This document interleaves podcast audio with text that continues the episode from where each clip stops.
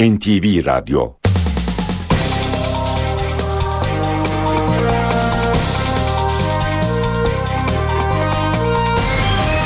İşe giderken NTV Radyo'dan mutlu sabahlar. Ben Aynur Altunkaş. Bugün 5 Nisan Cuma işe giderkenle karşınızdayız. Saat 9'a kadar Türkiye ve dünya gündemindeki gelişmeleri, gazete manşetlerini, piyasa verilerini, yol ve hava durumlarını aktaracağız. Önce gündemin öne çıkan başlıklarına bakalım. Fenerbahçe UEFA Avrupa Ligi'nde yarı finale yükselebilmek için avantaj yakaladı. Sarı lacivertli takım Şükrü Saracoğlu'ndaki maçta Lazio'yu 2-0 yendi.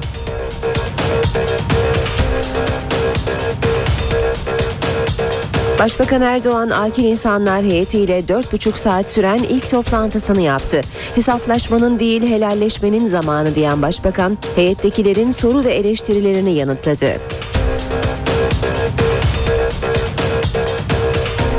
Abdullah Öcalan'ın önceki günkü görüşmede BDP heyetine verdiği mektubun bugün Kandil'e ulaştırılacağı açıklandı. Mektupta PKK'nın Türkiye'den çekilmesiyle ilgili mesajlar var.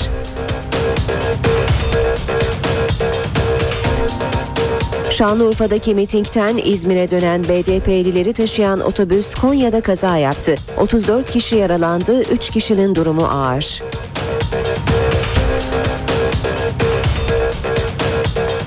CHP ve MHP çözüm süreciyle ilgili AK Parti'nin mecliste kurulmasını önerdiği araştırma komisyonuna üye vermeyeceğini açıkladı.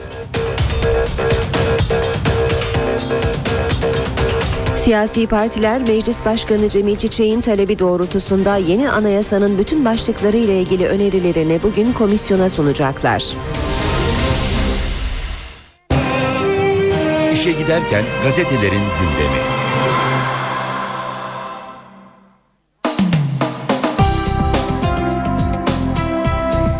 Gazetelerde bugün e, Başbakan Erdoğan'la akil adam, akil insanların buluşmasını daha çok başlıklarda ve manşetlerde görüyoruz. Yanı sıra Fenerbahçe'nin Lazio karşısında aldığı 2-0'lık galibiyette yine başlıklarda gözümüze çarpıyor.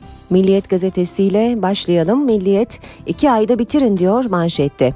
Akil insanlarla Dolmabahçe'de buluşan Başbakan Erdoğan, Cumhuriyetimizin kuruluşundaki kardeşlik anlayışı yeter dedi. Çalışmaların iki ayda bitirilmesini istedi. Erdoğan Akil İnsanlar Heyeti'nin belirlenen bölgelerde yapacağı çalışmaların takvimine ve yol haritasına müdahale etmeyeceklerini belirtti. Belirlenen bir aylık çalışma süresinin en çok iki aya çıkarılabileceğini ancak daha fazla uzatılmaması gerektiğini söyledi. Hükümet heyetlerin iç işleyişlerine karışmayacak ancak çalışmaların maliyetini karşılayacak. Kılıçdaroğlu'na ziyaret gerekli başlığı var. CHP Genel Başkan Yardımcısı Faruk Loğlu süreç konusunda e, yaptığı değerlendirmede siyasi kültürün gereği Erdoğan'ın Kılıçdaroğlu'nu ziyaret etmesidir. Biliyorsunuz biz önerilerimizi böyle bir ziyaretle başbakana ilettik. Kılıçdaroğlu Erdoğan'ı bu amaçla ziyaret etti. Şimdi Sayın Başbakan'ın da iade ziyarette bulunması gerekir dedi. Diyarbakır Medeniyet Kraliçesini seçemedi. Pazar günü Diyarbakır'da yapılması planlanan ve muhafazakar basının tepki gösterdiği Dünya Medeniyetler Kraliçesi yarışması iptal edildi. Organizatörler Kutlu Doğum Haftası'na denk geldiği için bu kararı aldıklarını belirtti. Yarı finale dev adım başlığı Milliyet'te sürmanşette UEFA Avrupa Ligi çeyrek final ilk maçında İtalyan temsilcisi Lazio önünde 78'de penaltıdan Vebo ve uzatmada Kayt'ın golleriyle 2-0 kazanan Fenerbahçe yarı final için büyük avantaj yakaladı. İtalyan ekibi 46. dakikada 10 kişi kaldı. Fener'in iki topu da direkten döndü. Lazio 11 Nisan'daki rövanşı cezası nedeniyle seyircisiz oynayacak. Fenerbahçe yarı finale kalırsa kulüp tarihinin Avrupa'daki en büyük başarısını yakalayacak. Geçelim Hürriyet gazetesine. Hürriyet'te 32 trilyon dolarlık sızıntı başlığı manşette. Offshore Leaks olarak geçiyor haberde e, adı e, ve bugün birkaç gazetede daha bu haberi görüyoruz. E, finansal bilgi sızıntısı diye özetleyebiliriz. Offshore Leaks için 46 ülkeden 86 gazeteci 2 milyon belge taradı. Listede Azerbaycan'ı yöneten İlham Aliyev'in kızlarından Fransa Cumhurbaşkanı Hollanda'nın danışmanına, Rusya Başbakan Yardımcısının eşinden eski Filipin diktatör Filipin diktatörü Marcos'un kızına kadar birçok birçok hesap bilgileri var. Bu araştırma sonuçlarının dünya ekonomisini darboğaza sokan offshore finans sistemine darbe vurması bekleniyor. Bulunan belgelerde hesap kayıtları, paravan şirketler, para transferleri gibi yazışmalar yer alıyor. Belgeler şirketler ve bireylerle ilgili 30 yıllık bir dönemi kapsıyor. Offshore araştırmasının 2010'da Assange'ın Wikileaks ile dünyayı sarstığı belgelerden 130 misli büyük olduğu bilgisi de yer alıyor haberde. Esad askerine Hatay'da şifa başlığıyla devam edelim. Antakya Belediye Başkanı Lütfü Savaş, Suriye'de hala Beşar Esad yönetimine bağlı olan ve muhaliflere karşı savaşan 70 Suriye askerinin geçen ay Türkiye'de tedavi edildiklerini açıkladı. Selen öldü dava bile yok. Bodrum'da 12 Ağustos'ta yüzerken sürat motorunun çarpması sonucu yaşamını yitiren Selen Kahyağlıoğlu bilirkişi tarafından tam kusurlu bulundu. Savcılık da olay anında genç kızın yüzme için ayrılan parkurun dışında olduğunu vurgulayarak takipsizlik kararı verdi. Başbakan Erdoğan'la akil insanlar toplantısı hürriyette haberleş, e, hel, helalleşme zamanı başlığıyla yer almış.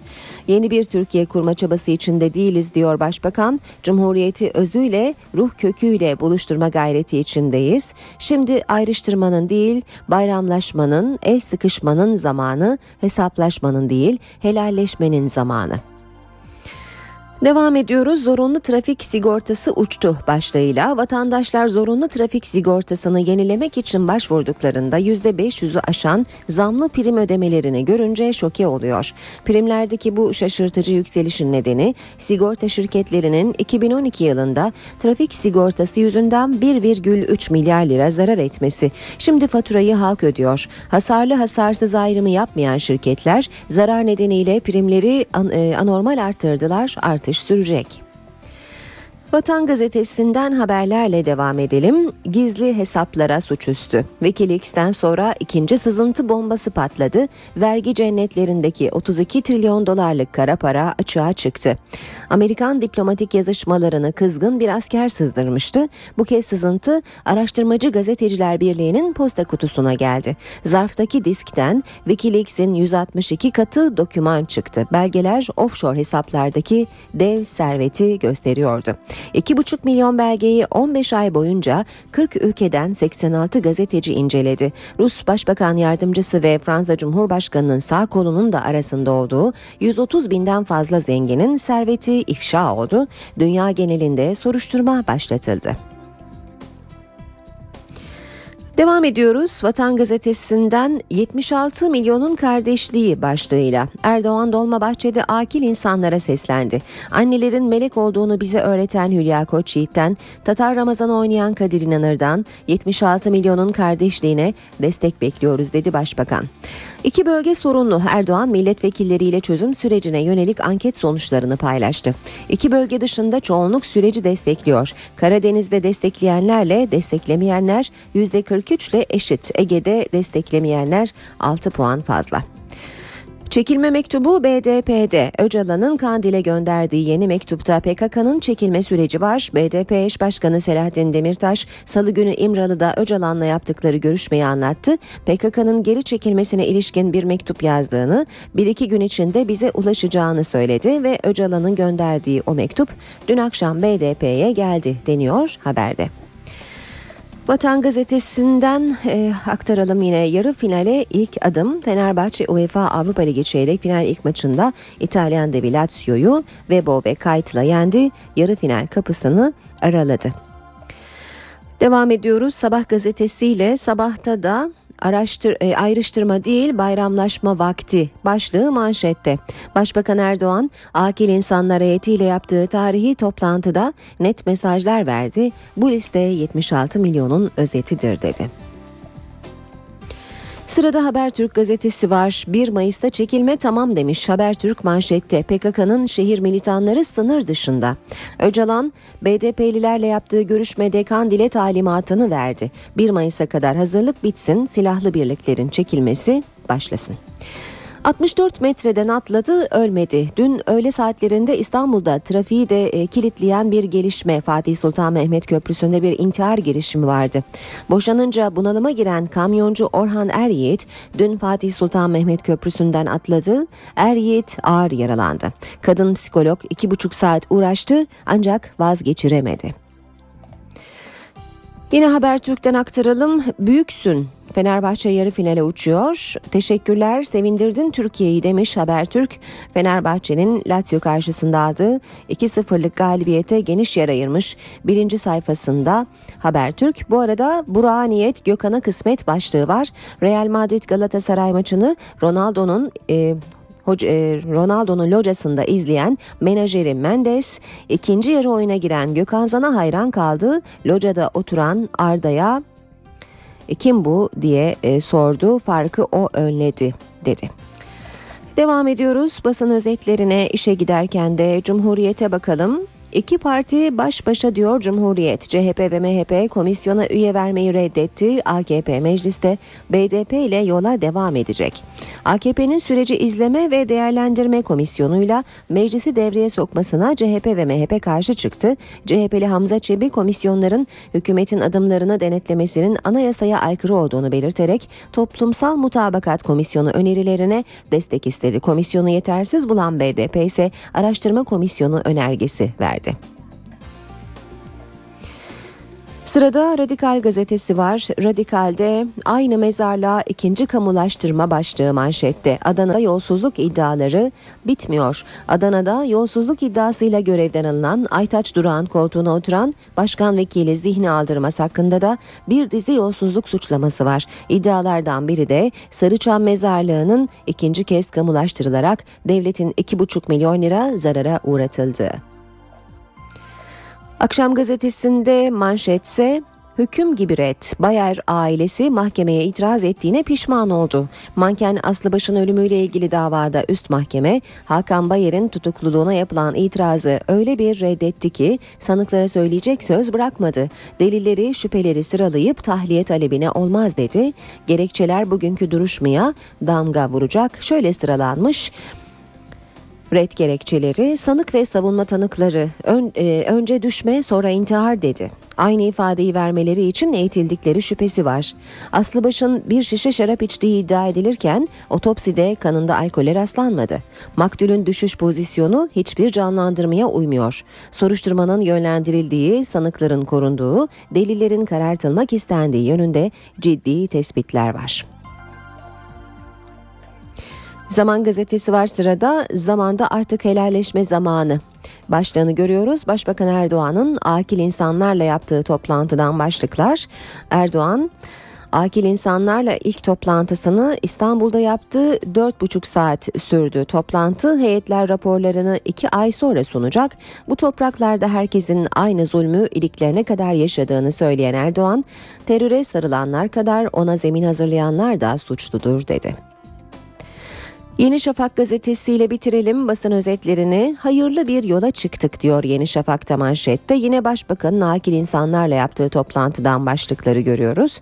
Hesaplaşmanın değil helalleşmenin bayramlaşmanın zamanı sözü Başbakanın e, başlıkta. Saat 7.19 NTV Radyo'da işe giderken gündemin ayrıntılarıyla devam ediyor. Gündemdeki en sıcak başlık Fenerbahçe'nin dün akşam aldığı önemli galibiyet. Fenerbahçe UEFA Avrupa Ligi'nde yarı final kapısını açtı. Sarı lacivertli takım Şükrü Saracoğlu'ndaki maçta Lazio'yu ikinci yarıda bulduğu gollerle 2-0 yenerek büyük avantaj sağladı.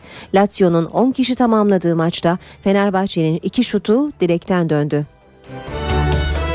Fenerbahçe'nin Lazio karşısında aldığı 2-0'lık galibiyet İstanbul'da taraftarı sokağa döktü. Çok sayıda taraftar takımı Cambartu tesislerinde bekledi. Takımı taşıyan otobüsün tesislere gelmesiyle meşaleler yakıldı, tezahürat yükseldi. İstanbul'da kutlamaların bir diğer adresi stat çevresi ve Bağdat Caddesi oldu. Fenerbahçeliler uzun araç konvoylarıyla galibiyetin tadını çıkardı. İşe giderken Fenerbahçe'nin UEFA Avrupa Ligi çeyrek final maçında Lazio'ya karşı elde ettiği galibiyet İtalyan basınında da geniş yer buldu. Tutto Sport gazetesi maçın hemen ardından internet sitesinde Lazio kızgın ve yenik ilk round Fenerbahçe'nin başlığını attı. Haberde ise Petrovic'in takımı İstanbul'da 2-0 nakavt oldu ifadesi ne yer verdi. La Gazzetta della Sport'un manşeti ise Lazio 10 kişiyle Türkiye'de alabora oldu. Lazio'nun ilk yarıda iyi bir oyun oynadığını ancak sonuç alamadığını yazan La Gazzetta della Sport, yarı final çok uzak görünüyor dedi. Corriere della Sport'ta ise rövanş maçında Lazio'nun işi zor dendi. İşe giderken Fenerbahçe'nin galibiyeti ve spordaki diğer gelişmeleri önümüzdeki dakikalarda ayrıntılı olarak gazetelerin spor sayfalarından aktaracağız. Şimdi geçelim siyasetin en sıcak maddesine.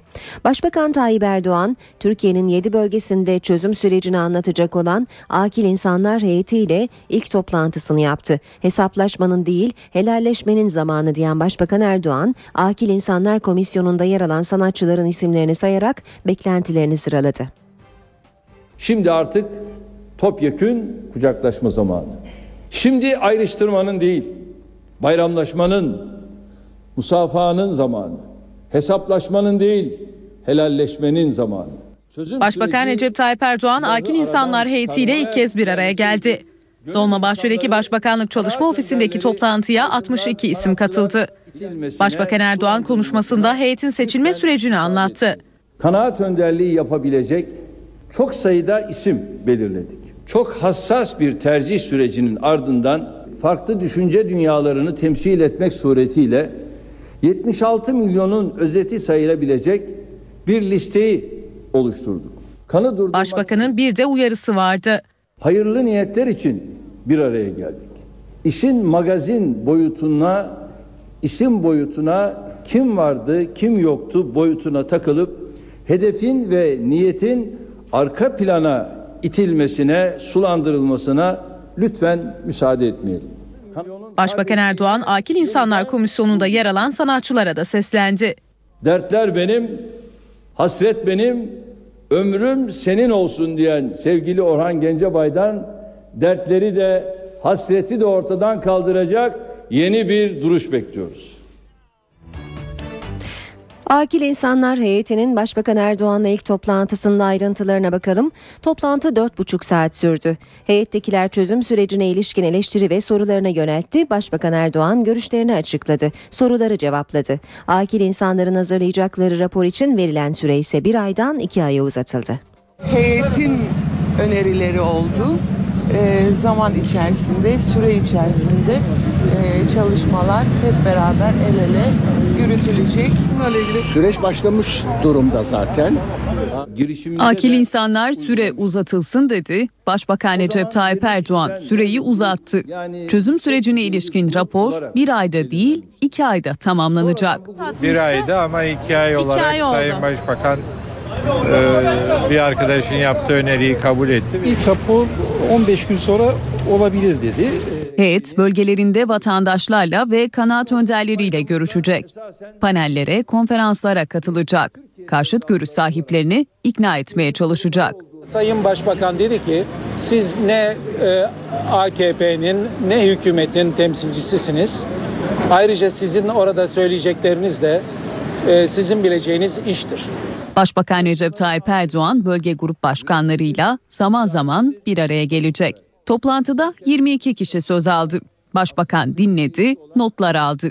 Sorulara ve eleştirilere cevap verdi, görüşlerini anlattı. Grup başkanları 15 günde bir izlenimlerini aktaracakları rapor sunacak.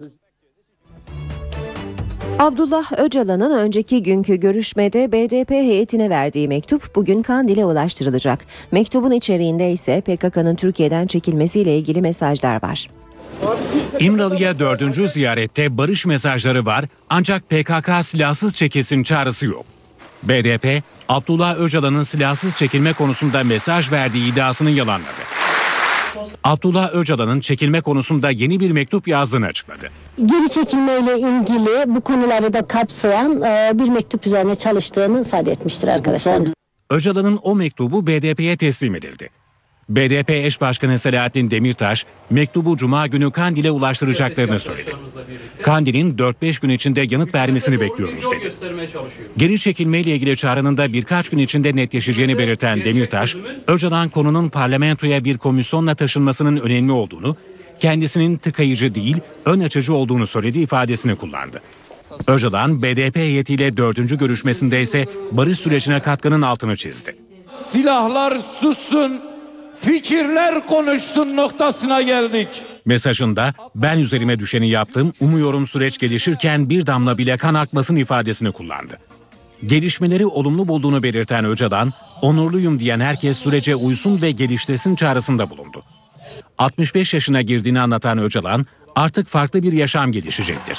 Kimse kimseyi incitmesin, herkes aşkla bu sürece katılsın dedi. Öcalan'ın mesajı Şanlıurfa'nın Halfet ilçesinde kurulan miting alanında akil insanlar listesine dahil edilen Zübeyde Teker tarafından okundu. Öcalan'ın mesajının okunduğu Şanlıurfa'daki mitingden İzmir'e dönen BDP'li katılımcıları taşıyan otobüs gece Konya'da kaza yaptı. Kazada 34 kişi yaralandı. Kaza Konya-Adana karayolunun 13. kilometresinde meydana geldi. Kontrolden çıkan otobüs refüje çarptıktan sonra devrildi. 34 kişiden 3'ünün durumu ağır. Hükümet ve muhalefet arasında süreç komisyonuyla ilgili yeni bir anlaşmazlık var. CHP ve MHP çözüm süreciyle ilgili AK Parti'nin mecliste kurulmasını önerdiği araştırma komisyonuna üye vermeyeceğini duyurdu. AK Parti Genel Başkan Yardımcısı Hüseyin Çelik'in muhalefete cevabı net oldu. Böyle bir dayatmaya gelmeyiz. BDP ise yetersiz bulsa da komisyona sıcak bakıyor. İş düzüğün ve anayasanın tarif etmediği bir komisyonda Cumhuriyet Halk Partisi yer almayacaktır. Milliyetçi Hareket Partisi olarak meclis araştırması açılmasının karşısındayız. Böyle bir araştırma önergesine de komisyonuna da destek vermeyeceğiz. Beklenen olduğu çözüm süreci komisyonuna CHP ve MHP üye vermeme kararı aldı. Açıklama her iki partinin de grup başkan vekillerinden geldi. Lazına, CHP'li Akif Hamze Çebi'nin önerisi daha önce verdikleri toplumsal barışı bozan olayları araştırma ve bulma komisyonu önergesinin gündeme alınması. Bu çözüm sürecini izleyecek, değerlendirecek bir komisyondur. PKK'ların sınır dışına çekilmesini izlemek, değerlendirmek Türkiye Büyük Millet Meclisi'nin görevi değildir. Ya iş tüzüğe uygun bir komisyon önerisi getirecektir Adalet ve Kalkınma Partisi ya da iş tüzüğe uygun olarak bizim vermiş olduğumuz araştırma komisyonu önerisini destekleyecektir. MHP'li Oktay Vurasa komisyonun PKK'ya hizmet edeceğini savundu. Bu araştırma önergesinin amacı terörle müzakerenin ve terör örgütünün meşrulaştırılması ve taleplerin TBMM iradesine dönüştürülmesi için bir kılıftır. Minareyi çalanlar şimdi kılıf oluşturma gayretine girmişlerdir. AK Parti muhalefetin komisyona üye vermemesine tepkili. Parti sözcüsü Hüseyin Çelik BDP ile yola devam sinyali verdi. Türkiye Büyük Millet Meclisi'nde kurulan bir komisyona bir parti oy efendim e, üye verir, birisi vermez. Veren partilerin üyeleriyle beraber süreci götürürsünüz. Bu konuda bir kilitlenme söz konusu değildir. Biz de böyle bir dayatmaya gelmeyiz. BDP komisyona üye vermesinin yanı sıra yeni bir girişim hazırlığında. Partinin AK Parti'nin önergesiyle birleştirilmek üzere Hakikatleri Araştırma Komisyonu kurulması doğrultusunda önerge vermesi bekleniyor. Yetersiz buluyoruz ancak e, savunduğumuz parlamentonun inisiyatif alması ve yeni süreçte devlete ait parlamentoya ait mekanizmaların kurulması açısından da önemli ve desteklenmesi e, gereken bir önerge olarak bakıyoruz. Saat 7.30 olmak üzere NTV Radyo'da işe giderken de birlikteyiz. Birazdan üç büyük şehrimizin trafik notlarına bakacağız ve gazetelerin spor sayfalarından haberler okuyacağız. Kısa bir ara verelim. Ara vermeden önce gündemin başlıklarını hatırlatalım.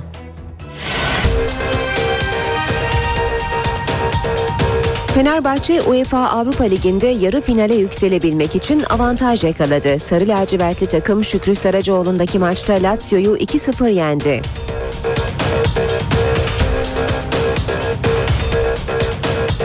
Başbakan Erdoğan akil insanlar heyetiyle 4,5 saat süren ilk toplantısını yaptı. Hesaplaşmanın değil helalleşmenin zamanı diyen başbakan heyettekilerin soru ve eleştirilerini yanıtladı.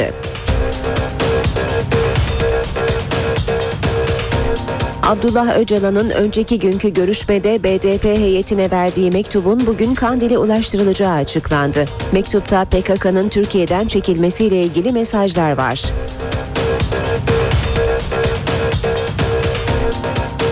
Şanlıurfa'daki mitingten İzmir'e dönen BDP'lileri taşıyan otobüs Konya'da kaza yaptı. 34 kişi yaralandı, 3 kişinin durumu ağır.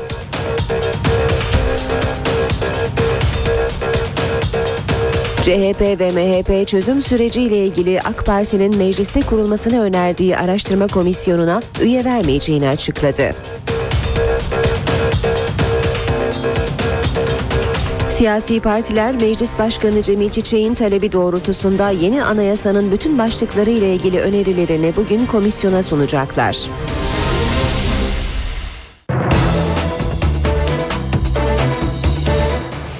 ...7.37 saat işe giderken de birazdan spor haberlerini aktaracağız. Gazetelerin spor sayfalarından ama önce İstanbul, Ankara ve İzmir'in trafik notlarına bakalım.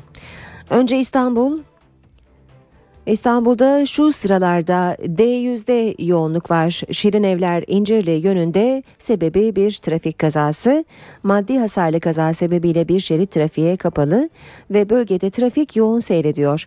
Fatih Sultan Mehmet Köprüsü Anadolu Avrupa geçişi yoğunluğu Ataşehir'de başlıyor. Köprü girişine kadar etkili yoğunluk var. Ters yön akıcı gişeler sonrasında. Köprü girişine kadar hafif bir yoğunluk görüyoruz. Tem'de köprü yönünde Mahmut Bey'den başlayan ve Maslak'a uzanan yoğun bir trafik olduğunu söyleyelim. Boğaziçi Köprüsü Anadolu Avrupa geçişi yoğunluğu Çamlıca'da başlıyor. Köprü çıkışına kadar etkili. Ters yönde Zincirlikuyu köprü çıkışı arası trafik yoğun seyrediyor. D100'de Şirin Evler'den itibaren Otakçılara kadar trafik çok yoğun seyrediyor. O3'te Mahmut Bey Doğu Kavşağı hal arasında trafik çok yoğun. Ayrıca yine küçük çekmece de yoğun bir trafik olduğunu görüyoruz. Avcılar küçük çekmece arasında yoğun bir trafik var sürücüleri zorluyor. Anadolu yakasında Tem'de Ataşehir ve Çamlıca gişeler arası yer yer çok yoğun seyrediyor. D100'de ise e, Küçük Yalı Bostancı arası trafik yoğun. Ayrıca Kartal Kavşağı'ndaki e, çalışmayı hatırlatalım. Kartal Pendik hatta Kaynarca arasında trafik oldukça yoğun seyrediyor. Geçelim Ankara'ya. Ee, Ankara'da Atatürk Orman Çiftliği Kavşağı, Gençlik Parkı Kavşağı arasını sürücüler 12 dakikada aşabilirler. Anadolu Bulvarı'ndan Keçiören'e 13 dakikada e, gidebilirler. Keçiören'den Anadolu Bulvarı'na 19 dakikada seyahat edebilirler. Ayrıca Kızılay Ulus arasını 6 dakikada e, aşabilirler. Cinnah Caddesi Ulus arası da 15 dakikada e, kat edilebilir. Dikmen Kızılay arası da 11 dakikada geçilebilir. İzmir'le devam edelim. İzmir'de Balçova Bornova arasında 29 dakika seyahat edebilirsiniz. Ee, devam edelim yine İzmir'den güzergahlar aktarmaya. Girne Bulvarı Üçkuyular Vapur İskelesi arası 28 dakikada aşılabilir. Buca Sancak arasında 17 dakika süreyle seyahat edebilirsiniz. Bostanlı Girne Bulvarı arası 9 dakikada kat edilebilir. Üçkuyular Vapur İskelesi Konak arası 8 dakika. Bornova Alsancak arası da 13 dakikada geçilebilir.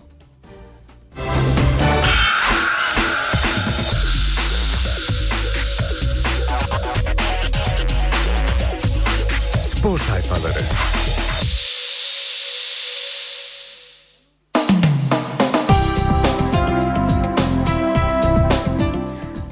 Milliyet gazetesinden başlayalım spor sayfalarını çevirmeye. Yarınlar bizim demiş Milliyet. Fenerbahçe Kadıköy'ü Lazio'ya dar etti. Yarı final için büyük bir avantajı cebine indirdi.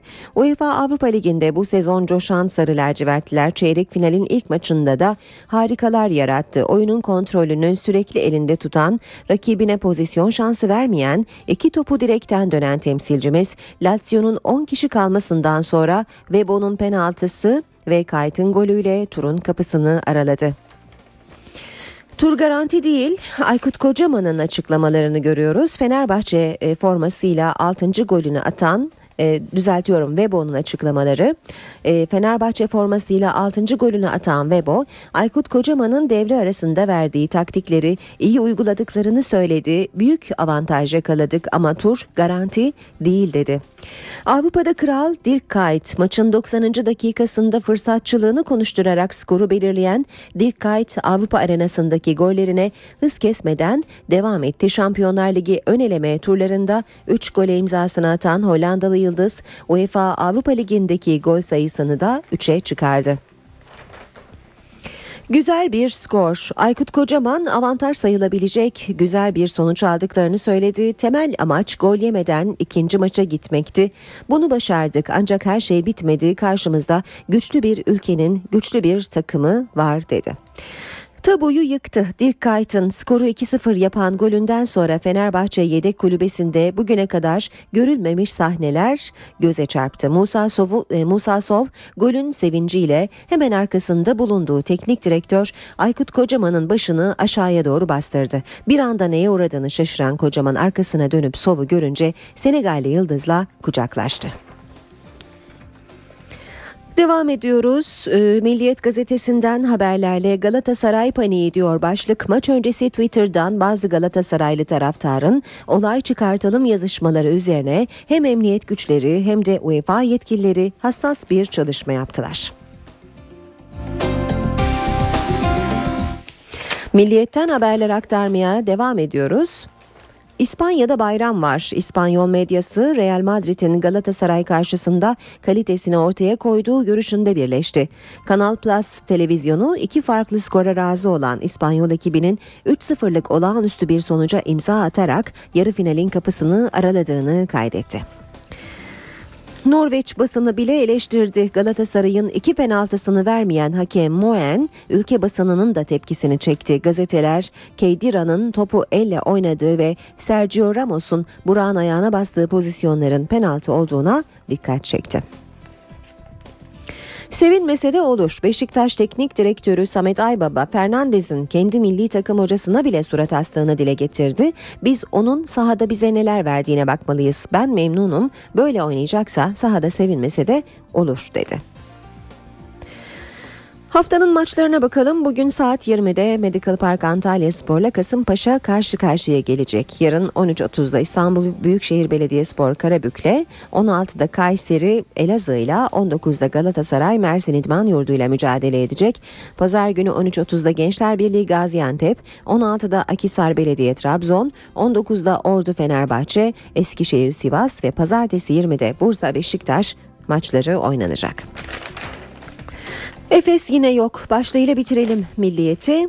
Anadolu Efes Real Madrid deplasmanında tutunamadı. İlk maçta devirdiği rakibi karşısında ard arda 3. mağlubiyetini 20 sayılık farkla aldı. Top 16 E grubunu 9 galibiyet 5 yenilgiyle tamamlayan temsilcimiz çeyrek finalde Olympiakos'la eşleşti. Sabah gazetesiyle devam edelim. Sabahtan okuyacağımız ilk başlık Roma'yı da yakarız. Lazio'yu Vebo ve Kayt'ın golleriyle deviren Fenerbahçe Avrupa Ligi'nde yarı final kapısını araladı. Protokol kanatlandı. Kayt'ın 90. dakikada gelen ve skoru 2-0'a getiren golüyle Şükrü Saracoğlu stadında yer yerinden oynadı. Protokol tribünü de bu golle coştu. Fenerbahçe Başkanı Aziz Yıldırım'ın sevinci ise görülmeye değerdi. Başkan ikinci golle adeta kanatlandı. Bu maçı e, CHP lideri Kemal Kılıçdaroğlu'nun da izlediğini hatırlatalım. Lazio'da yenilgiyi tattı diyor e, Sabah gazetesi. Bu sezon Avrupa Ligi'nde oynadığı 12 maçta yenilgi yüzü görmeyen Lazio ilk mağlubiyetini de Fenerbahçe'den almış oldu. İşimiz bitmedi kapı kapıyı açtık. Bugün 48. yaş gününü kutlayacak olan kocaman temkinli konuştu. Sonuçta İtalyan takımıyla oynuyoruz. Rövanş kolay olmayacak. Yarı final için avantaj yakaladık ancak İtalya'daki maçta fizik, e, fizik gücümüzün üst seviyede olması gerekiyor. Aynı ciddiyeti devam ettirmek zorundayız dedi. Devam edelim. Sabah gazetesinden aktarmaya. Türkler için harika gece. Direkler de kurtaramadı. Aykut Kocaman Petkoviç'le dördüncü randevusunda ilk galibiyetini aldı. Young Boys ve Samsun Spor'un başında karşılaştığı Kocaman'ın Fenerbahçe'sine 3 maçta da yenilmeyen Petkoviç'in serisi dün gece bozuldu. Üstelik e, direkten dönen iki topa rağmen. Türkler için harika gece başlığı İtalyan basınından haberlerde e, görülüyor. La Gazzetta dello Sport'un Lazio 10 kişiyle İstanbul'da çöktü ve Corriere dello Sport'un İtalyan ekibinin net bir penaltısı verilmedi. Onazi'nin gördüğü kırmızı kartla oyunun kaderi değişti ve Fenerbahçe yarı finali getirecek bir skorla sahadan ayrıldı şeklindeki ifadeleri yer almış. Bir golcüsü olsa diyor başlık yine sabahtan forvet hattında bu sezonun en talihsiz takımı Trabzonspor. Bordo Mavili takımın golcüleri Süper Lig'in en kötü ekibinin forvetlerini bile mumla aratıyor diyor Sabah gazetesi haberinde. Ve son olarak da Hürriyet'e bakalım. Hürriyet'in e, spor sayfalarından ilk başlık şahanesin Fenerbahçem. Lazio'yu Kadıköy'e gömdü. UEFA Avrupa Ligi'nde yarı finale ilk, e, ilk adımı attı. Yine Aykut Kocaman'ın tur kapısını açtık ama içeri girmedik şeklindeki e, sözleri başlıkta ve Lazio ilk kez dize geldi. Yine şu ana kadar e, yenilmeyen e, Lazio'nun ilk yenilgisini tattığını yazıyor Hürriyet gazetesi de. 11 Nisan'daki rövanşında seyircisiz oynanacağını hatırlatıyor. Fenerbahçe Lazio ile 11 Nisan Perşembe akşamı Roma'da rövanş karşılaşmasına çıkacak. Mücadele İtalyan ekibinin cezası nedeniyle seyircisiz oynanacak. Maç yine saat 10'u 5 geçe başlayacak Fenerbahçe 3 farklı yenilgilerde elenecek.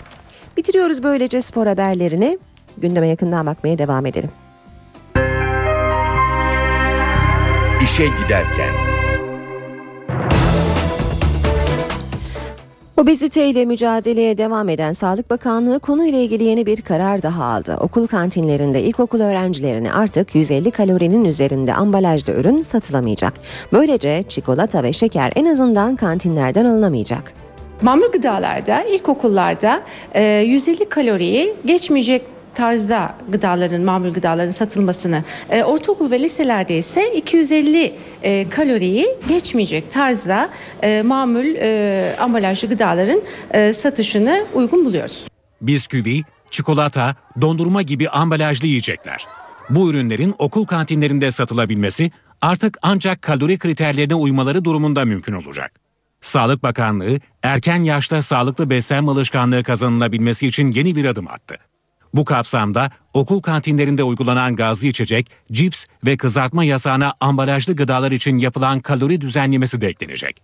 İlkokul kantinlerinde 150 kalorinin üzerinde, ortaöğretim kantinlerinde ise 250 kalorinin üzerinde paketli hazır gıda satılamayacak. Ülkemizde e, obezite durumu çocuklarda da e, 6-10 yaşta %6,5'larda, e, hafif kilolu olma durumu %14'lerde. Dolayısıyla buradaki hedef e, daha sağlıklı nesiller, daha sağlıklı çocuklar ve e, sağlıklı beslenme alışkanlığı kazanmış bir e, toplumu biz hedefliyoruz. Veliler ve öğretmenler de bilgilendirilecek. Çocukların okulda kazanacakları sağlıklı beslenme alışkanlığının okul dışında da devam etmesi sağlanacak. Söz konusu düzenlemeye son halini ise Milli Eğitim Bakanlığı verecek. Şimdi gıda sektörünün okullarda satacağı ürünlerde kalori veya gramaj ayarlaması yapması bekleniyor. Mersin'de bazı firmalara yapılan baskında yurt dışından Türkiye'ye yaklaşık 21 bin ton GDO'lu pirincin sokulduğu ortaya çıktı. Polis tonlarca GDO'lu pirincin Türkiye'ye nasıl girdiğini araştırıyor. 21 bin ton pirince el koymuş tabi numune alınmış TÜBİTAK'ta tahliller yapılmış. Yani bu bizatihi içerisinde olabilir mi olamaz mı? Tabi bu benim ihtisasım dışında. Taşınan araçta daha önce geliyor bir ürün taşınmış ondan bulaşmış. Bütün bundan sonuçta olacak. Yurt dışından Türkiye'ye getirilen pirinçlerde GDO tespit edildi. Mersin'deki ithalatçı firmalar incelemeye alındı. İddiaya göre Çin ve Afrika'da üretilen pirinçler önce Amerika'ya satılmak istendi. Ancak ürünlerin GDO'lu olduğu belirlenince geri gönderildi. Üretici firma aynı pirinçler için Mersin'deki 3 ithalatçı firmayla anlaştı. Emniyet, ithal pirinçleri incelemek için firmalara baskın yaptı.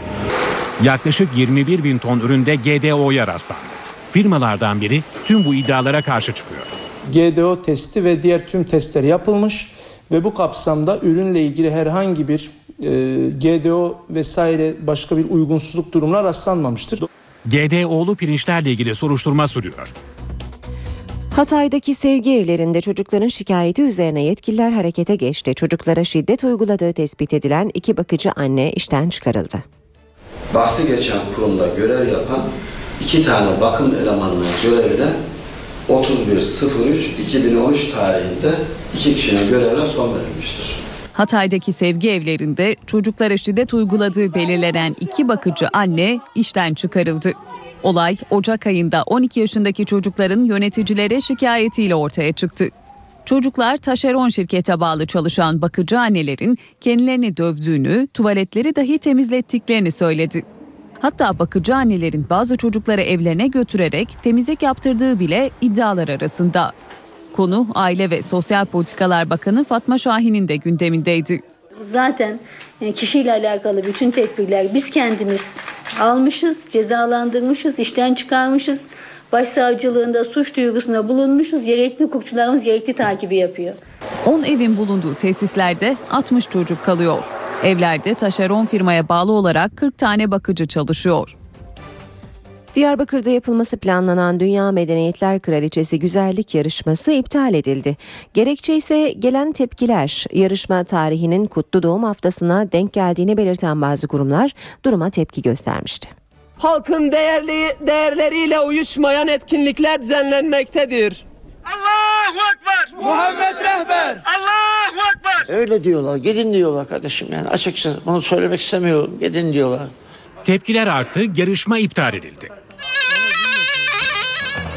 Diyarbakır'da 7 Nisan'da yapılması planlanan Dünya Medeniyetler Kraliçesi Güzellik Yarışması'ndan son anda vazgeçildi.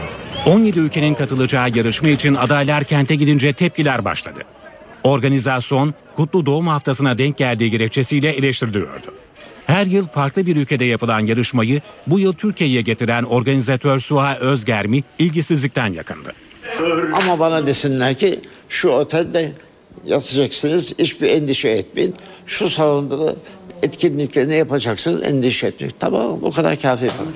Kraliçe seçilmek umuduyla Diyarbakır'a giden adaylar kentten ayrıldı. Türkiye'yi temsil eden biri olarak bütün misafirlerimize çok mahcup durumdayım. Açıklayabilecek mantıklı doğru dürüst bir sebebimiz de yok açıkçası. Kars'ta mahkeme kararıyla köy yolu kapatıldı. Köylülerse karara tepkili. Kars Borluk Köyü yolunun 600 metrelik bölümü artık kapalı. Arsa sahibi Vural Yıldırım Türk mahkemeye başvurdu, karar lehine çıktı. 40 yıldan beri izinsiz kullanılan yolun bir bölümü kapatıldı. Haksa, hukuksa, hukukun üstünlüğü varsa ben hakkımı e, yargı yoluyla teslim almışım. Bundan sonra risk yaratmamalarını diliyorum. 60 haneli Borluk Köyü sakinleri yolun kapanmasına tepkili. E biz ne yapacağız? Biz de devlete gideceğiz, devlete sıkınacağız. E, hele gel bakın bizim halimiz. Yani bizi buradan e, köçür gidelim. Yani da bize bir yol, bir çare bul. Biz dağ başındayız. Yol yok.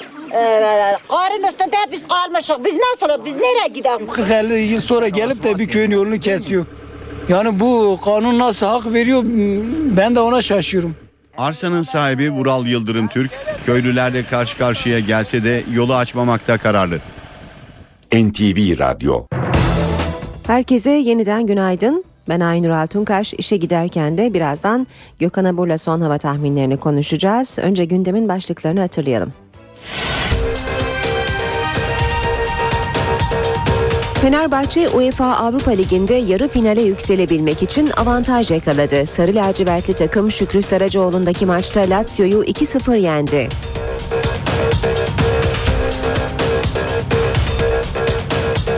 Başbakan Erdoğan akil insanlar heyetiyle 4,5 saat süren ilk toplantısını yaptı. Hesaplaşmanın değil helalleşmenin zamanı diyen başbakan heyettekilerin soru ve eleştirilerini yanıtladı. Abdullah Öcalan'ın önceki günkü görüşmede BDP heyetine verdiği mektubun bugün Kandil'e ulaştırılacağı açıklandı. Mektupta PKK'nın Türkiye'den çekilmesiyle ilgili mesajlar var.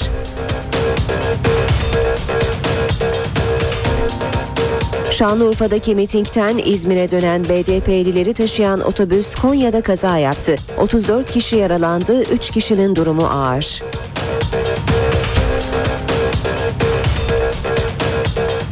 CHP ve MHP çözüm süreciyle ilgili AK Parti'nin mecliste kurulmasını önerdiği araştırma komisyonuna üye vermeyeceğini açıkladı. Siyasi partiler Meclis Başkanı Cemil Çiçek'in talebi doğrultusunda yeni anayasanın bütün başlıkları ile ilgili önerilerini bugün komisyona sunacaklar. Gökhan Abur günaydın. Günaydın. Yine cuma geldi. Hafta Evet. sonu başlamak üzere. Nasıl olacak yurdumuzda hava? Ee, batıda yağış etkisini bugün kaybetti. Yarın da ülke genelinde yağış beklemiyoruz ve sıcaklıklar yükselmeye başladı. Özellikle batı bölgelerdeki yükselen sıcaklıklar iç kesimleri de etkisi altına alacak ki yarın ülkenin büyük çoğunluğunda yüksek sıcaklıklar var. Örneğin İstanbul'da 24-25 dereceleri geçen bir sıcaklık bekliyoruz. Ege'de İzmir başta olmak üzere sıcaklıklar yer yer 29-30 derecelere yaklaşacak. Akdeniz boyunca gene 28-29 derecelik sıcaklıklar görülürken yağış olmayacak yarın için. Pazar günü ise yine sıcaklıklar Ege'de ve Akdeniz'de yüksek ama rüzgarın biraz kuzeye dönmesiyle birlikte e, Trakya'dan başlayarak bulutlanma artacak. Ve cumartesi göre sıcaklıklarda Trakya, Marmara başta olmak üzere birkaç derecelik azalış bekliyoruz ve artacak bulutlanma Trakya'dan başlayarak batı bölgelerin yeni bir yağışlı hava etkisi altına girmesine sebep olacak. Yağışlar Öğle saatlerine itibaren Trakya'yı etkisi altına alıp Kuzey Ege'ye doğru ilerleyecek ve akşam saatlerinde en geç ve Ege'nin tamamı ve Marmara'nın batı kesimlerini etkisi altına alarak iç kesimlere doğru ilerleyecek. Pazartesi günü ise e, rüzgar oldukça sert. Yurdun büyük çoğunluğunu yağışların etkisi altına girmesini bekliyoruz. Özellikle bu yağışlar e, Trakya'da daha kuvvetli olmak üzere sağanaklar şeklinde olacak. Marmara'da yağış var. Batı Karadeniz aynı şekilde Ege ve Batı Akdeniz ve iç kesimlerde de yağışlar aralıklarla devam edecek. Doğuda ise, doğuda ise bugün ve hafta sonu yağış beklemiyoruz. Yine sıcaklıklar yüksek. E, Bugün için e, bugün için e, tekrar düzeltmek istiyorum çünkü yarın ve pazar günü beklemiyoruz. Bugün özellikle Güneydoğu'da kuvvetli sağanaklar var. Sabah saatlerinde Gaziantep'te gök gürültülü sağanaklar etkiliydi. Gün içinde yine Doğu Anadolu bölgemizde ve özellikle de Doğu Karadeniz'de yer yer kuvvetli olmak üzere yağışlar devam edecek ama yarın etkisini kaybedecek. Bizleri böyle bir Cuma günü ve bir hafta sonu Hafta sonu bekliyor bekliyor. diyebilirim. Sıcak bir hafta sonu olacak. Teşekkür ediyoruz. Gökhan Abur bizimleydi. İşe giderken gazetelerin gündemi.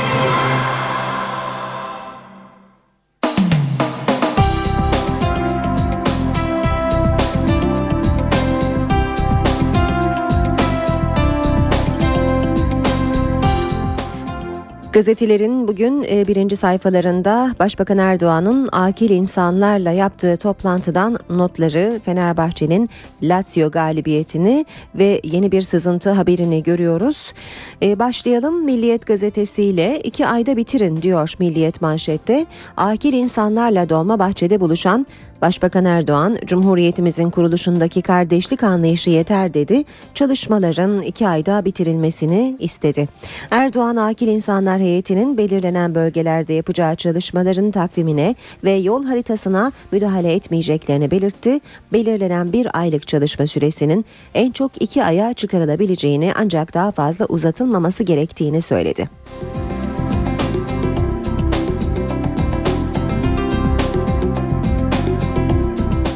Mine Milliyet'ten okuyalım. Yarı finale dev adım diyor Milliyet. Sür manşetinde UEFA Avrupa Ligi çeyrek final ilk maçında İtalyan temsilcisi Lazio önünde 78'de penaltıdan ve Bove uzatmada Kayt'ın golleriyle 2-0 kazanan Fenerbahçe yarı final için büyük avantaj yakaladı.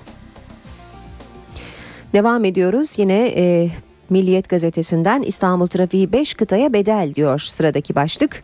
Hollandalı navigasyon firması TomTom'un 5 kıtadan e, 161 kentteki trafik sıkışıklığını inceleyerek hazırladığı endekste İstanbul Moskova'nın ardından trafiğin en çok sıkıştığı ikinci şehir oldu.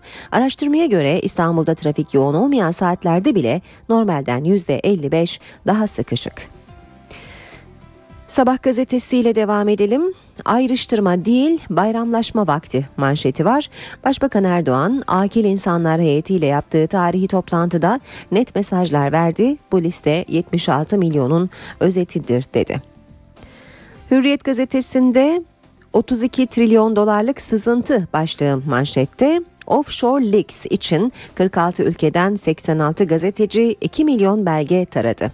Uluslararası Araştırmacı Gazeteciler Konsorsiyumu tarihin en büyük gazetecilik araştırmasını yaptı Konsorsiyum, dünyanın pek çok yerinden siyasetçi ve ünlülerin de bulunduğu 130 bin kişinin adının geçtiği offshore sistemindeki 32 trilyon doları bulan para üzerinden vergi kaçakçılığı ile ilgili kirli çamaşırları ortaya döktü. Listede Azerbaycan'ı yöneten İlham Aliyev'in kızlarından Fransa Cumhurbaşkanı Hollande'ın danışmanına, danışmanına, Rusya Başbakan Yardımcısının eşinden eski Filipin diktatörü Marcos'un kızına kadar birçok hesap bilgileri var. Bu araştırma sonuçlarının dünya ekonomisine e, darboğaza sokan offshore finans sistemine darbe vurması bekleniyor. Devam ediyoruz. Yine hürriyetten bir başlıkla zorunlu trafik sigortası uçtu. Vatandaşlar zorunlu trafik sigortasını yenilemek için başvurduklarında %500'ü aşan zamlı prim ödemelerini görünce şoke oluyor. Primlerdeki bu şaşırtıcı yükselişin nedeni sigorta şirketlerinin 2012 yılında trafik sigortası yüzünden 1,3 milyar lira zarar etmesi. Şimdi faturayı halk ödüyor. Hasarlı hasarsız ayrımı yapmayan şirketler zarar nedeniyle primleri anormal artırdılar. Artış sürecek. Devam ediyoruz Vatan Gazetesi ile Vatan e, gazetesinde manşet gizli hesaplara suçüstü. Wikileaks'ten sonra ikinci sızıntı bombası patladı. Vergi cennetlerindeki 32 trilyon dolarlık kara para açığa çıktı diyor Vatan gazetesi.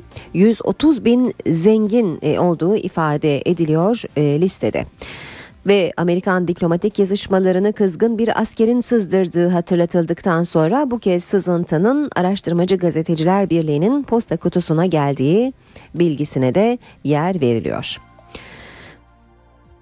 İki bölge sorunlu başlığını görüyoruz yine vatanda. Erdoğan milletvekilleriyle çözüm sürecine yönelik anket sonuçlarını paylaştı. İki bölge dışında çoğunluk süreci destekliyor. Karadeniz'de destekleyenlerle desteklemeyenler %43 ile eşit. Ege'de desteklemeyenler 6 puan fazla. Çekilme mektubu BDP'de. Öcalan'ın Kandil'e gönderdiği yeni mektupta PKK'nın çekilme süreci var. BDP eş başkanı Selahattin Demirtaş salı günü İmralı'da Öcalan'la yaptıkları görüşmeyi anlattı. PKK'nın geri çekilmesine ilişkin bir mektup yazdığını, bir iki gün içinde bize ulaşacağını söyledi. Ve Öcalan'ın gönderdiği o mektup dün akşam BDP'ye geldi. Geçiyoruz Habertürk gazetesine. Habertürk'te sürmanşet büyüksün. Fenerbahçe yarı finale uçuyor demiş. E, Habertürk teşekkürler sevindirdin Türkiye'yi diye de eklemiş. Aykut Kocaman'ın yolu yarıladık sözü başlıkta. İtalyan basınının ortak başlığı olarak da İstanbul'da nakavt ifadesi dikkat çekiyor Habertürk'te. Burak'a niyet Gökhan'a kısmet başlığı var. Yine Habertürk'te Real Madrid Galatasaray maçını Ronaldo'nun locasında izleyen menajeri Mendes ikinci yarı oyuna giren Gökhan Zan'a hayran kaldı. Locada oturan Arda'ya farkı o önledi kim bu diye sordu. Habertürk'te manşet 1 Mayıs'ta çekilme tamam PKK'nın şehir militanları sınır dışında Öcalan BDP'lilerle yaptığı görüşmede Kandil'e talimatını verdi. 1 Mayıs'a kadar hazırlık bitsin silahlı birliklerin çekilmesi başlasın. Bir mucize vardı dün İstanbul'da 64 metreden atladı ölmedi. Fatih Sultan Mehmet Köprüsü'nde bir intihar girişimi oldu. Boşanınca bunalıma giren kamyoncu Orhan Eryiğit dün Fatih Sultan Mehmet Köprüsü'nden atladı. Eryiğit ağır yaralandı. Kadın psikolog iki buçuk saat uğraştı ancak vazgeçiremedi. 300 bin kişiye emeklilik müjdesi başlığını da okuyalım Habertürk'ten. Sosyal Güvenlik Kurumu Başkanı Yadigar Gökalp İlhan maaş için yaş sınırını bekleyen 300 bin emekliye müjdeyi verdi. Her yıl için maaşında kesintiyi kabul eden yaşını beklemeyecek. Maliye her yıl için %5 kesinti istiyor oran yakında kesinleşecek. Geçelim Cumhuriyet'e. İki parti baş başa diyor Cumhuriyet. CHP ve MHP komisyona üye vermeyi reddetti. AKP mecliste BDP ile yola devam edecek. AKP'nin süreci izleme ve değerlendirme komisyonuyla meclisi devreye sokmasına CHP ve MHP karşı çıktı diyor. Cumhuriyet gazetesi haberde. Bir diğer başlık vicdansızlık. Seyfettin Bal ve Harun Toygar örgüt üyeliği iddiasıyla tutuklandı. Adaletsizliğe isyan eden iki öğrenci de intihar etti. Bal arkadaşlarıyla birlikte aklandı. Toygar'ın davası ise sürüyor. Geçiyoruz Zaman Gazetesi'ne artık helalleşme zamanı zamanın da manşeti. Başbakan Erdoğan akil insanlarla buluştu. 4,5 saat sürdü toplantı. Heyetler raporlarını 2 ay sonra sunacak. Bu topraklarda herkesin aynı zulmü iliklerine kadar yaşadığını söyleyen Erdoğan teröre sarılanlar kadar ona zemin hazırlayanlar da suçludur dedi. Yeni Şafak gazetesinde de hayırlı bir yola çıktık başlığıyla görüyoruz. Akil insanlar toplantısını Başbakanın hesaplaşmanın değil helalleşmenin bayramlaşmanın zamanıdır sözü başlıkta göze çarpıyor. Radikal gazetesine bakalım. Radikal'de manşet aynı mezarlığa ikinci kamulaştırma. Adana'da yolsuzluk iddiaları bitmiyor. Adana'da yolsuzluk iddiasıyla görevden alınan Aytaç Durağan koltuğuna oturan Başkan Vekili Zihni Aldırmaz hakkında da bir dizi yolsuzluk suçlaması var. İddialardan biri de Sarıçam mezarlığının ikinci kez kamulaştırılarak devletin 2,5 milyon lira zarara uğratıldı.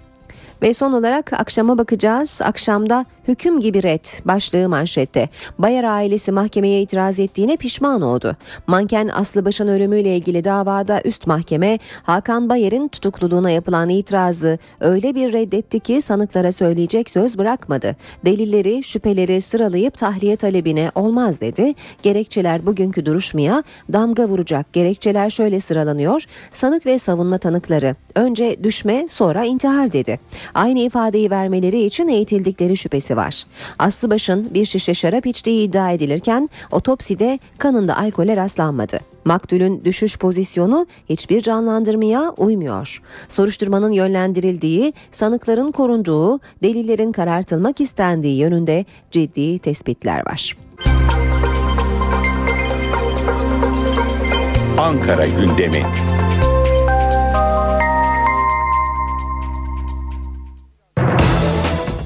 Başkent gündemiyle işe giderken devam ediyor. Karşımızda NTV muhabiri Miray Aktağ Uluç var. Miray günaydın.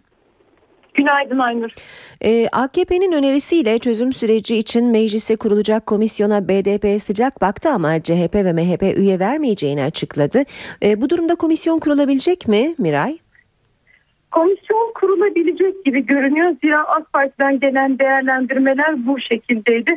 Komisyona e, CHP ve e, MHP'nin üye vermemesiyle ilgili olarak dün Burhan Kuzu'nun bazı açıklamaları vardı. Bazı partilerin üye vermemeleri komisyonun kurulmasına engel değil dedi. Ancak partilerin eğer sorumluluk duyuyorlarsa üye vermelerinde fayda olacağını da ifade etti.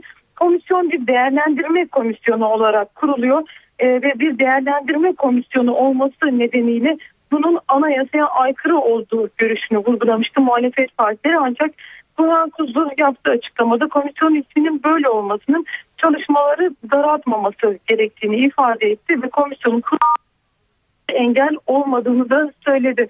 Ee, Hüseyin Çelik'ten de dün bir değerlendirme gelmişti. Böyle bir dayatmaya gelmeyiz demişti ve Barış ve Demokrasi Partisi'nin e, komisyona sıcak bakan Barış ve Demokrasi Partisi ile yollara yollarına devam edebileceklerini söylemişti Hüseyin Çelik'te ama dediğimiz gibi yeni bir anlaşmazlık söz konusu oldu. Çünkü hem CHP hem de MHP çözüm süreciyle ilgili AK Parti'nin mecliste kurulmasını önerdi.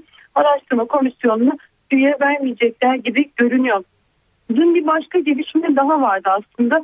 E, komisyona üye vermeyeceğini açıklamasının belki de hemen ardından muhalefet partileri Beşir Atalay'la Cumhuriyet Halk Partisi Genel Başkan Yardımcısı Faruk Doğulu arasında bir telefon görüşmesi de vardı ve çözüm süreciyle ilgili CHP bir kez daha İktidar Partisi'ne e, önerdiği teklifi reddetti. Başbakan Yardımcısı Beşir Atalay bu görüşmede daha önce Başbakan Recep Tayyip Erdoğan'ın CHP'ye sunduğu AK Parti ile CHP arasında meclis dışında bir komisyon kurulması ve bu komisyonda üçer üyenin yer alması ile ilgili bir talep iletmişti. İşte bu talebi hatırlattı. Başbakan Yardımcısı bunun yeniden gündeme gelebileceğini söyledi ama Cumhuriyet Halk Partisi Genel Başkan Yardımcısı Faruk Doğulu bu talebe olumsuz yanıt verdiklerini söyledi ve yapacağımız yeni bir katkı yok. Bizim tercihimiz bütün siyasi partilerin komisyona katılması dedi e, ve AK Parti'den gelen ikinci bir teklif daha böylece e, ana muhalefet tarafından reddedilmiş oldu. Ana muhalefetin beklentisi Faruk Doğulu'nun yine açıklamalarına dayanarak e, aktarmamız gerekirse Başbakan Recep Tayyip Erdoğan'ın e, Cumhuriyet Halk Partisi'ni ziyaret etmesi, Kılıçdaroğlu'nu ziyaret etmesi yönünde Farukluoğlu e, en azından nezaket için daha önce kendilerini ziyaret ettiğini belirterek Başbakan Erdoğan'ın da CHP'yi e, bu süreçle ilgili bilgilendirmesi ve ziyaret etmesi gerektiği görüşünü vurguladı. Evet, çözüm sürecine ilişkin e, ayrıntıları gün boyunca takip etmeye devam edeceğiz. Başkentin gündeminde başka neler var Miray? Evet, e, günlerdir belki de haftalardır en önemli gündem maddemiz çözüm süreci. Dün Akil Adamlar Komisyonu ile ilgili önemli toplantı İstanbul'daydı. Başbakan Erdoğan'ın e, başkanlığında bir toplantı kez. Bugün bir başka gelişme daha var. AK Partili 45 vekil bugün başkentten yola çıkıyorlar. Çözüm sürecini anlatacaklar. Üç kenti ziyaret edecekler. AK Parti Grup Başkan Vekili Ahmet Aydın başkanlığındaki bir heyet. Önce Diyarbakır'a gidecekler. Cumartesi Batman'a, pazar günü de geçecekler ve e, bu ziyaretleri süreci, süresince de çözüm süreciyle ilgili görüş alışverişinde bulunacaklar vatandaşlarla. Bu arada sürecin en kritik aşaması olan PKK'nın silah bırakarak yurt dışına çıkması konusunda dün bir gelişme daha vardı. Abdullah Öcalan Barış ve Demokrasi Partisi'ne bir mektup daha gönderdi. Mektubun adresi Kandil. NTV'ye konuştu BDP eş genel başkanı Selahattin Demirtaş ve mektubu bugün Kandil'e ulaştıracaklarını söyledi. E, bu da başkentte bugün yakından takip edilen gelişmelerden biri olacak gibi görünüyor. Bir başka noktada dikkatlerin çekileceği Ankara'da e, meclis olacak. Türkiye Büyük Millet Meclisi Anayasa Uzlaşma Komisyonu'nda yeni anayasayla ilgili bugün kritik bir gün. Uzun süredir çalışmalarına devam eden siyasi partiler bugün yeni anayasanın bütün başlıkları ile ilgili önerilerini komisyona sunacaklar. Bu başlıklarda neler yer aldı önemli ama daha önemli bir şey var. O da komisyonun çalışmalarına devam edip etmeyeceği. İşte buna ilişkin son noktada pazartesi günü koyulacak gibi görünüyor. Bugün öneriler alındıktan sonra pazartesi günü komisyonun yoluna nasıl devam edeceğiyle ilgili bir karar çıkacak gibi bekliyoruz. Cumhurbaşkanı Abdullah Gül'ün bugün kabulleri var. İçişleri Bakanı Muammer Güler ve Emniyet Teşkilatı'na oluşan heyeti kabul edecek Cumhurbaşkanı. Yabancı bir ziyaretçisi de var Cumhurbaşkanı'nın. Irak Kürt Bölgesel Yönetimi eski Başbakanı ve Kürdistan Yurtseverler Birliği Genel Sekreter Yardımcısı Berham Salih ile görüşecek. Ve bir başka nokta aslında İstanbul'da gerçekleşiyor ama Ankara'da bizler yakından takip edeceğiz. Ekonomi cephesinden bir notu da İstanbul'un yeni finans merkezi Borsa İstanbul bugün açılıyor. Borsa İstanbul Başbakan Recep Tayyip Erdoğan açılacağı ilk kongun ardından işleme e, başlayacak. Ve bu gelişmeyi de Ankara'dan yakından takip ediyor olacağız. E, Başkent Ankara'nın özetli ön çıkan gündem maddeleri bunlar Aynur. Miray Aktağ Uluç teşekkür ediyoruz. Kolay gelsin. Teşekkürler.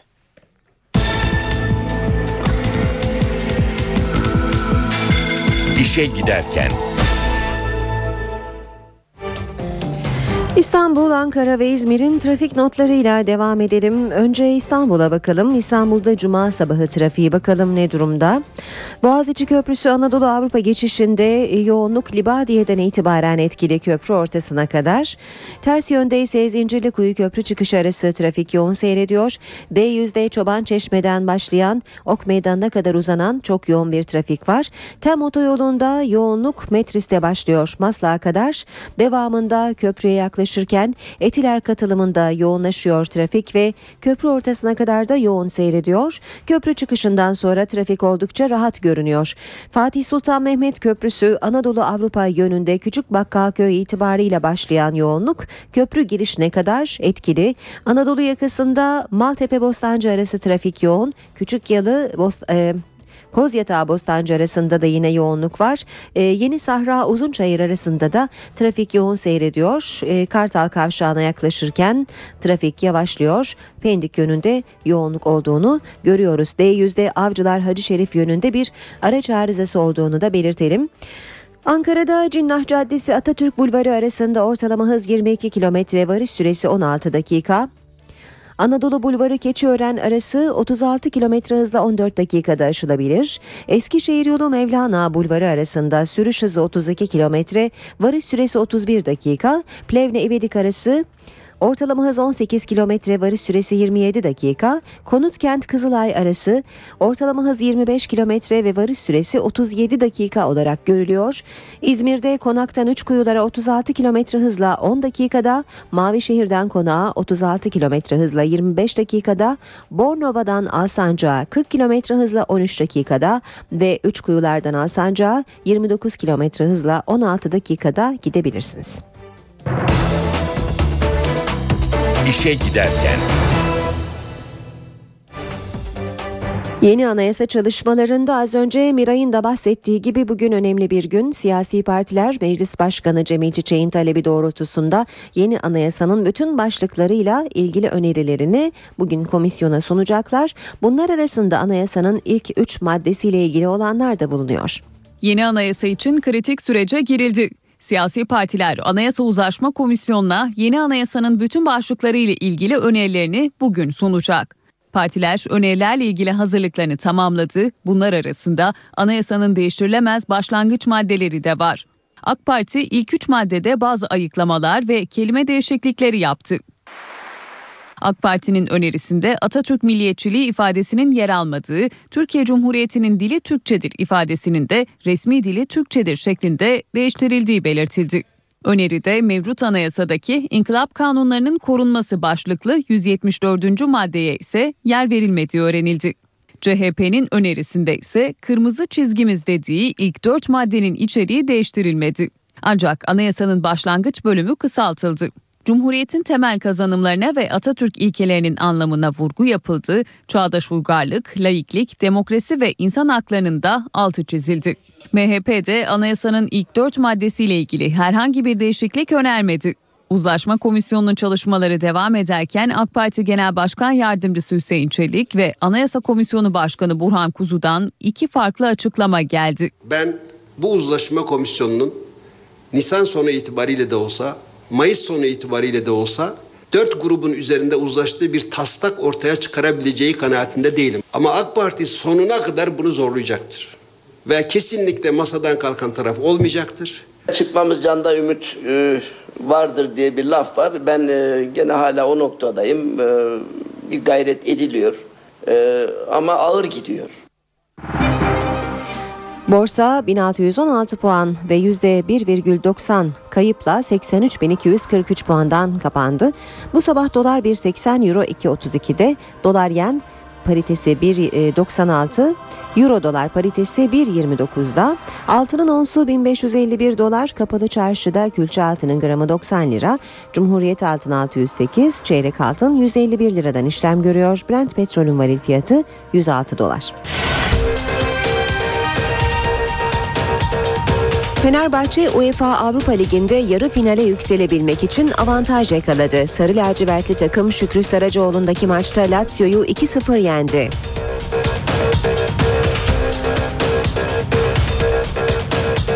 Başbakan Erdoğan akil insanlar heyetiyle 4,5 saat süren ilk toplantısını yaptı. Hesaplaşmanın değil helalleşmenin zamanı diyen başbakan heyettekilerin soru ve eleştirilerini yanıtladı. Abdullah Öcalan'ın önceki günkü görüşmede BDP heyetine verdiği mektubun bugün Kandil'e ulaştırılacağı açıklandı. Mektupta PKK'nın Türkiye'den çekilmesiyle ilgili mesajlar var.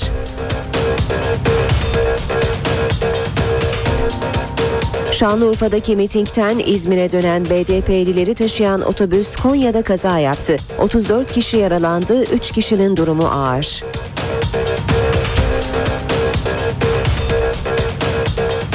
CHP ve MHP çözüm süreciyle ilgili AK Parti'nin mecliste kurulmasını önerdiği araştırma komisyonuna üye vermeyeceğini açıkladı. Siyasi partiler Meclis Başkanı Cemil Çiçek'in talebi doğrultusunda yeni anayasanın bütün başlıkları ile ilgili önerilerini bugün komisyona sunacaklar.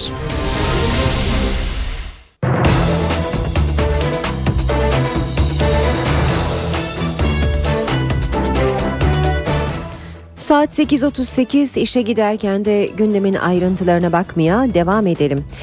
Dünyanın gündemindeki e, başlık Wikileaks'ten sonra yaşanan ikinci sızıntı krizi. Uluslararası Araştırmacı Gazeteciler Konsorsiyumu, dünyanın pek çok yerinden siyasetçi ve ünlülerin içinde yer aldığı 32 trilyon dolarlık kara para açığını ortaya çıkardı. Araştırma birçok ekonomiste göre dünyayı darboğaza sokan offshore bankacılığın dünyadaki finansal sistemin içine nasıl işlediği ve politikacıların bu sistemi yolsuzluklarını gizlemek için nasıl kullandıklarını ortaya koyuyor.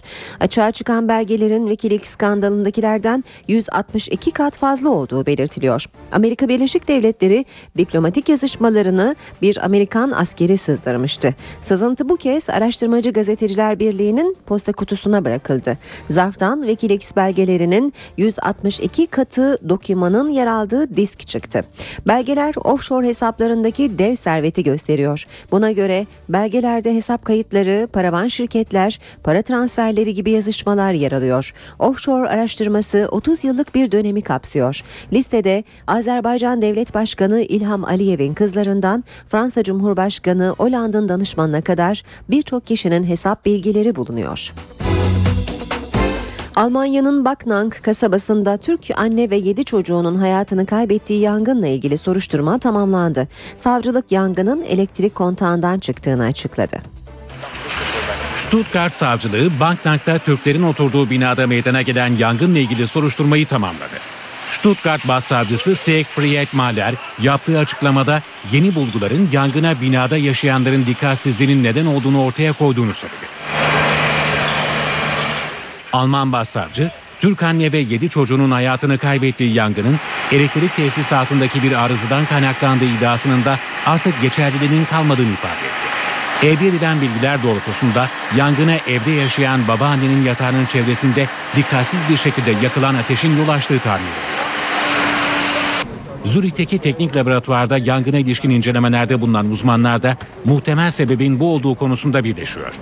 Yangının ardından Türkiye detaylı bir soruşturma yürütülmesini talep etmiş, çalışmalara İsviçre'den giden uzmanlar da katılmıştı. Yangında ölen Nazlı Özcan Soykan ve 7 çocuğunun cenazesi Afyonkarahisar'da defnedilmişti. İsrail ile gerilen ilişkilerin düzelmesiyle birlikte İsrail'den Türkiye'ye turist trafiği başladı. Bu yıl beklenen İsrailli turist sayısı 1 milyon. Mavi Marmara saldırısının ardından İsrail'den gelen özür turizmcilere rahat nefes aldırdı. Azalan İsrailli turist sayısı tekrar yükselişe geçti. Türkiye bu yıl bu ortamdan sonra yine eski günlerine dönecek. Milyon kişiye varacağını umut ediyorum. TÜRSAP Başkanı Başaran Ulusay'a göre bu yıl beklenen turist sayısı 1 milyon. 2008 yılında yaklaşık 600 bin İsrailli turist sayısı Mavi Marmara saldırısının yaşandığı 2010 yılında 100 bine kadar düştü. 2011 ve 2012'de azalma devam etti. İsrail'den kaybımız e, yüzde 80'ler civarındaydı. Yani 2008-2009 yıllarında 600 bin kişiye yakın İsrail vatandaşı burada ağırlıyorduk. Bu yılki rakamlar sevindirici. İsrail'in özründen önce Ocak-Şubat aylarında 10 bin İsrailli turist geldi. Şimdi de İsrail'den gelen rezervasyonlarda büyük artış var. İsrailli turistlerin en gözde tatil mekanları Muğla ve Antalya. E, Muğla ve e, Antalya vilayetlerimiz tercih ediliyor. İstanbul tercih ediliyor. İzmir tercih, tercih ediliyor. Ama e, bu Pesah dediğimiz Hamursuz Bayramı'nda da İstanbul daha fazla tercih ediliyor. Dinsel mekanların gezilmesi, görülmesi. Suriye'de yaşanan iç savaşa bölge ülkeleri de dolaylı olarak dahil oluyor. İran'da Beşar Esad yandaşlarına, Ürdün'de ise muhaliflere askeri eğitim verildiği belirtiliyor. Suriye'de iki yıldır yaşanan iç savaş, bölge ülkeleri içinde bir güç mücadelesi haline geldi. Beşar Esad yönetiminin en güçlü destekçisi İran, rejim yanlısı militanlara, Ürdün ise muhalif güçlere askeri eğitim veriyor. İran'ın Suriye ordusuna güveni azaldığı ve bu nedenle Esad yanlısı güçlere kendi topraklarında eğitim verdiği iddia ediliyor. Eğitim alanların Laskiye'den Tahran'a uçtuğu ve oradan da otobüslerle bilinmeyen bir bölgeye götürüldüğü belirtiliyor. İsrail İstihbarat Servisine göre de İran en az 50 bin militana eğitim veriyor ve bu sayıyı 100 bine çıkarmayı amaçlıyor. Ürdün'de ise Esad karşı muhalif güçlerin askeri kamplarda eğitim aldığı öne sürülüyor. Söz konusu kampların Amerika Birleşik Devletleri'nin kontrolünde olduğu kaydediliyor. Ürdün'ü ülkesinin iç işlerine karışmakla suçlayan Esad yönetimi Kral Abdullah'a sert bir dille uyardı. ateşte oynamayın, Suriye'deki volkanik kriterin içine düşebilirsiniz ifadesini kullandı. Amerikalı, Batılı ve Arap yetkililere göre Ürdün Ekim ayından bu yana Suriyeli muhalifleri eğitmek için kamplara ev sahipliği yapıyor. Ürdün'ün muhaliflere silah sevkiyatı sağladığı da belirtiliyor. Sağnak yağışlar sonucu 52 kişinin hayatını kaybettiği Arjantin'de yöneticiler eleştirilerin hedefinde. Buenos Aires'te bir grup öfkeli Arjantinli valiye tepki gösterdiği konvoyuna saldırdı. Arjantinliler sağanak yağış sonucu yaşanan can kayıplarının faturasını Buenos Aires yönetimine kesti. Yağışların dinmesinin ardından kente dolaşan vali Daniel Scioli halkın tepkisiyle karşılaştı. Halk yetkilileri mağdurlara gerekli desteği göstermemekle suçladı. Şimdi ortaya çıktılar. Vali şimdi ortaya çıktı. Hepimizi evlerimizden çıkardılar. Sonra da hiçbir şey yapmadılar. Neredeyse boğuluyorduk. Hepsinin canı cehenneme. Bazı öfkeli vatandaşlar valinin konvoyuna saldırdı, araçları tekmeledi. Buenos Airesliler bir yandan da sağanak yağışın izlerini silmeye çalışıyor. Çok zor durumdayız. Bir anda her yeri su bastı ve su hızla yükseldi. Yerle teması olan her şeyimizi kaybettik. Can kayıpları nedeniyle ülkede 3 günlük yas ilan edildi, bayraklar yarıya indirildi. Sağanak yağışlarda 50'den fazla kişi hayatını kaybetti. Sırada BBC Türkçe'den basın özetleri var. Financial Times gazetesinden David Garner, Türkiye'nin Suriye'den kaçan 187 bin misafiri 17 kampta barındırırken 200 bin Suriyelinin ise Türkiye kentlerinde olduğunu belirtiyor. Yazıda Birleşmiş Milletler Mülteciler Yüksek Komiserinin kayıt altındaki Suriyeli mülteci sayısını 1 milyon olarak verdiği, bunun yanı sıra 2 milyon Suriyelinin de ülke içinde yerinden edildiği kaydediliyor. Gardner, boynu yoğun mülteci kampını gezerken konuştuğu 28 yaşındaki Musab'ın yanındaki Türk İçişleri Bakanlığı yetkilisinin duyabileceği şekilde bazen kamptan çıkıp Suriye'ye geçerek rejimin güçlerine karşı savaştığını söylediğini de aktarıyor. Ancak haber yorumda İçişleri Bakanlığı yetkilisinin silahlı örgütlerin gençleri bünyelerine aldığı iddiasını reddettiği ancak 1,5 kilometre ötede ordudan ayrılan ve Türkiye topraklarını üs olarak kullanan Suriyeli askerlerin ailelerinin de kaldığı özel bir kamp olduğunu da belirtiyor. Türkiye'nin bu konudaki hassasiyetinin nedenleri arasında boynu yoğun kampının bulunduğu Hatay'da farklı dinlere mensup toplulukların bulunduğu, kent nüfusunun yaklaşık dörtte birinin Nusayri Arap Alevilerden oluştuğu da yazıda yer verilen bilgilerden.